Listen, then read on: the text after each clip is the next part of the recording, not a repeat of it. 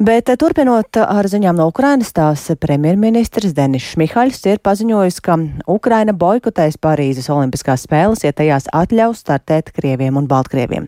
Šis paziņojums gan disonē ar vakardien vairākos ārvalstu medijos publicēto Ukrainas Olimpiskās komitejas prezidenta Vadima Gudsaita paziņojumu, ka Ukraiņi gatavi startēt Parīzē arī tādi, ja Krievijas un Baltkrievijas sportisti tur būs neitrālā statusā.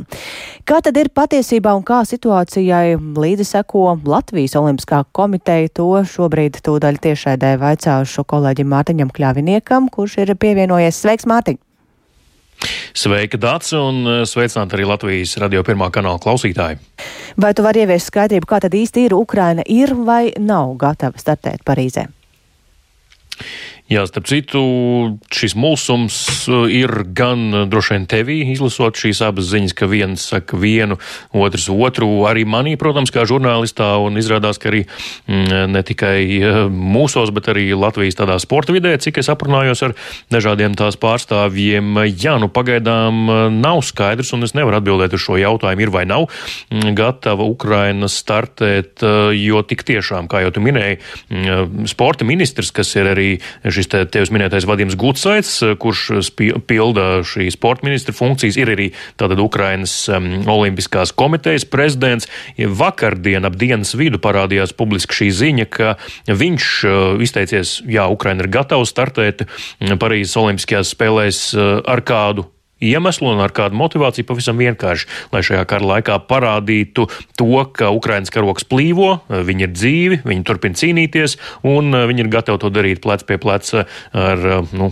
rādīt to arī tur esošajiem krieviem un baltkrieviem, olimpiskajā stadionā esošajiem un arī arēnās esošajiem, eh, ja, protams, šie atlēti startē zem neitrāla karoga, bet savukārt vēlāk vakar pusē un Latvijas medijos tas parādījās šorīt no rīta, ka tomēr premjerministrs Denis Šmihais ir izteicis izteicies, ka ir izveidota vairāku desmitu valstu, 35 valstu koalīcija, kas ir gatava boikotēt šīs te vasaras olimpiskās spēles, ja tur būs Krievi un Baltkrievi, un tas savukārt, nu, nesaskan ar to, ko teica Vadims Gucaits. Tā kā, nu, Interesanti, bet acīm redzot, kaut kādas pretrunas ir arī Ukrainas iekšienē atbildīgajās iestādēs par šo jautājumu. Nu jā, tu pieminēji šo mulsumu pretrunīgo paziņojumu, paziņojumu dēļ, bet nu, tuvāk stāvoši ir Latvijas Olimpiskā komiteja, kas noteikti arī seko līdzi situācijas attīstībai. Kas viņiem par šo ir zināms? Jā, es arī šodien um, sazinājos ar Latvijas Olimpiskās komitejas uh, ģenerālsekretāru Kārli Lēnieku. Viņš gan bija pietiekami lakonisks un īss savā mm, tādā neoficiālā komentārā, bet viņš teica, ka oficiāla komentāra šobrīd nebūs, jo, nu, gluži vienkārši nav ko komentēt. Viņi paši arī, starp citu, esot uh, apmulsuši tieši šī iemesla dēļ, ka viens pasaka vienu, otrs uh, būtībā pretējo, un abi pārstāv Ukrainas pusi, līdz ar to viņiem piekdien Latvijas Olimpiskajai komitejai vēlreiz būšo telefonu saruna ar Ukrainas Nacionālās Olimpiskās komitejas prezidentu Vadimu Gutsaitu, un tad mēģinās Latvijas Olimpiskā komiteja uzzināt jaunāko no viņa, un jā, nu, šī arī esot tā komunikācija, kas notiekot pietiekami bieži Latvijas Olimpiskā komiteja, Ukrainas Nacionālā Olimpiskā komiteja, nu, tāpēc, jā, nu, mēģinās to, to viņu nostāju varbūt vairāk uzzināt, varbūt, ka Gutsaita kungs ir pārprasts vai tulkojumā kaut kas ir pazudis,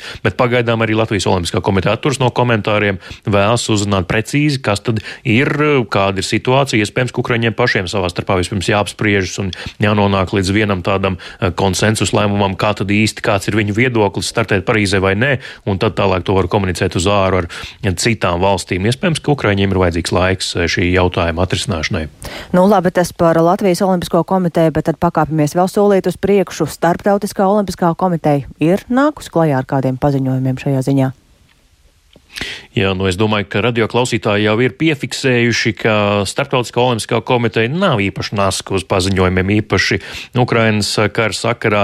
Un, jā, nu ir, protams, gada sākumā bija šis mudinājums lielajām startautiskajām federācijām tomēr, mm, nu, atkal integrēt Krievus un Baltkrievus atpakaļ starptautiskajās sacensībās, lai viņi varētu izpildīt olimpiskos normatīvus.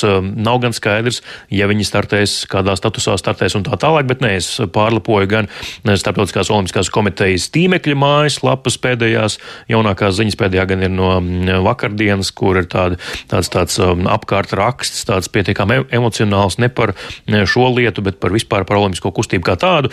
Arī Twitter vidē nav nekā, pilnīgs klusums šajā sakarā, tāpēc, nu jā, diezgan, diezgan raksturīgi starptautiskajai olimpiskajai komitejai. Tiesa, Ukrainas premjeras Denis Šmihaļs publiski ir vērsies pie Tomasa Baha, starptautiskās olimpiskās komitejas prezidenta, ar vēstījumu, ka viņš cer, ka izdosies Sokam pieņemt pareizo lēmumu. Pareizo tas, protams, nozīmē neļaut krieviem un baltkrieviem startēt, bet um, varam paklausīties, ko šajā sakarā saka um, Ukrainas tenisiste Jeļina Svitoļina, kura ir viena no skaļākajām balsīm uh, starptautiskajā sportā pret krieviem un baltkrieviem sacensībās uh, arī Olimpiskajās spēlēs. Klausāmies! Their government are using the outlets fully, and in the media, you know, all the propaganda that Krievijas un Baltkrievijas valdība pilnā apmērā izmanto atlētus kā propagandas ieroci. Mūsu sporta ministrs dara visu iespējamo. Ceru, ka visi kopā pieņems pareizo lēmumu. Es tikai vēlos, lai mūsu sportisti vairs neciestu. Atceramies situāciju ar paukotāju Olhu Harlanu. Šausmīgi kaut ko tādu redzēt, ka pārējās sporta veida federācijas vispār viņu nerespektē. So hopefully they will be the right decision. Jā, tā lūk, Jeļina Svitoļina, Ukraiņu tenisiste. Nu, jāpiebilst, ka nu, tā no manas puses subjektīvi sakot, bet varbūt žurnālistiski ne īpaši pareizi, bet tomēr, mm, ja mēs tā izvērtējam faktus un viedokļus, tad nu, tie, kur joprojām saka, nejauksim politiku ar sportu, var kaut vai paskatīties tīmeklī, kā izskatās Dnipro pilsēta, viena no modernākajām sporta hallēm pilsētā pēc Krievijas raķešu uzbrukuma, nu, no tās šo ritmās, kas ir palicis pāri. Tā kā, nu, es domāju, ka tas vien jau runā diezgan skaļi par to, ir Krieviem un Baltkrieviem jābūt to atvainojas Parīzē vai nav. Jā, Dace? Jā, nu vēl par šo Ukrāņu lēmumu, cik tas mums ir nozīmīgs, vai Latvijas sportisti Parīzē uz turien dosies neatkarīgi no Ukrāņu lēmuma?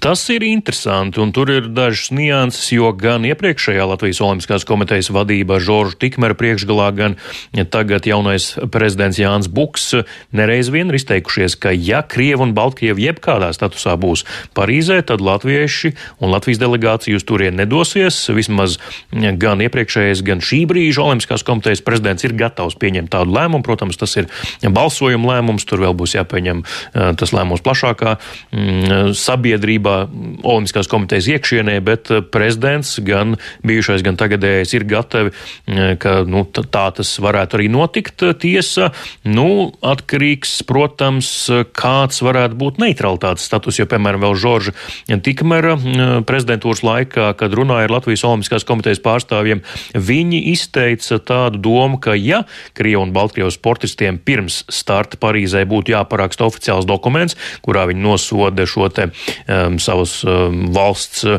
vai nu Krievijas gadījumā izraisītā un turpinātā kara vai arī Baltkrievijas gadījumā atbalstītā kara norisi, tad um, nu, tas nozīmē, ka viņiem savās dzimtenēs draudētu cietumsots, un tas nozīmē, ka viņi tik tiešām ir neitrāli. Ja viņi to ir gatavi darīt, tad um, parakst šo dokumentu, tad varētu startēt Parīzē, un tad mm. savukārt latvieši būtu gatavi būt tur plec pie pleca ar viņiem. Citādā gadījumā nē.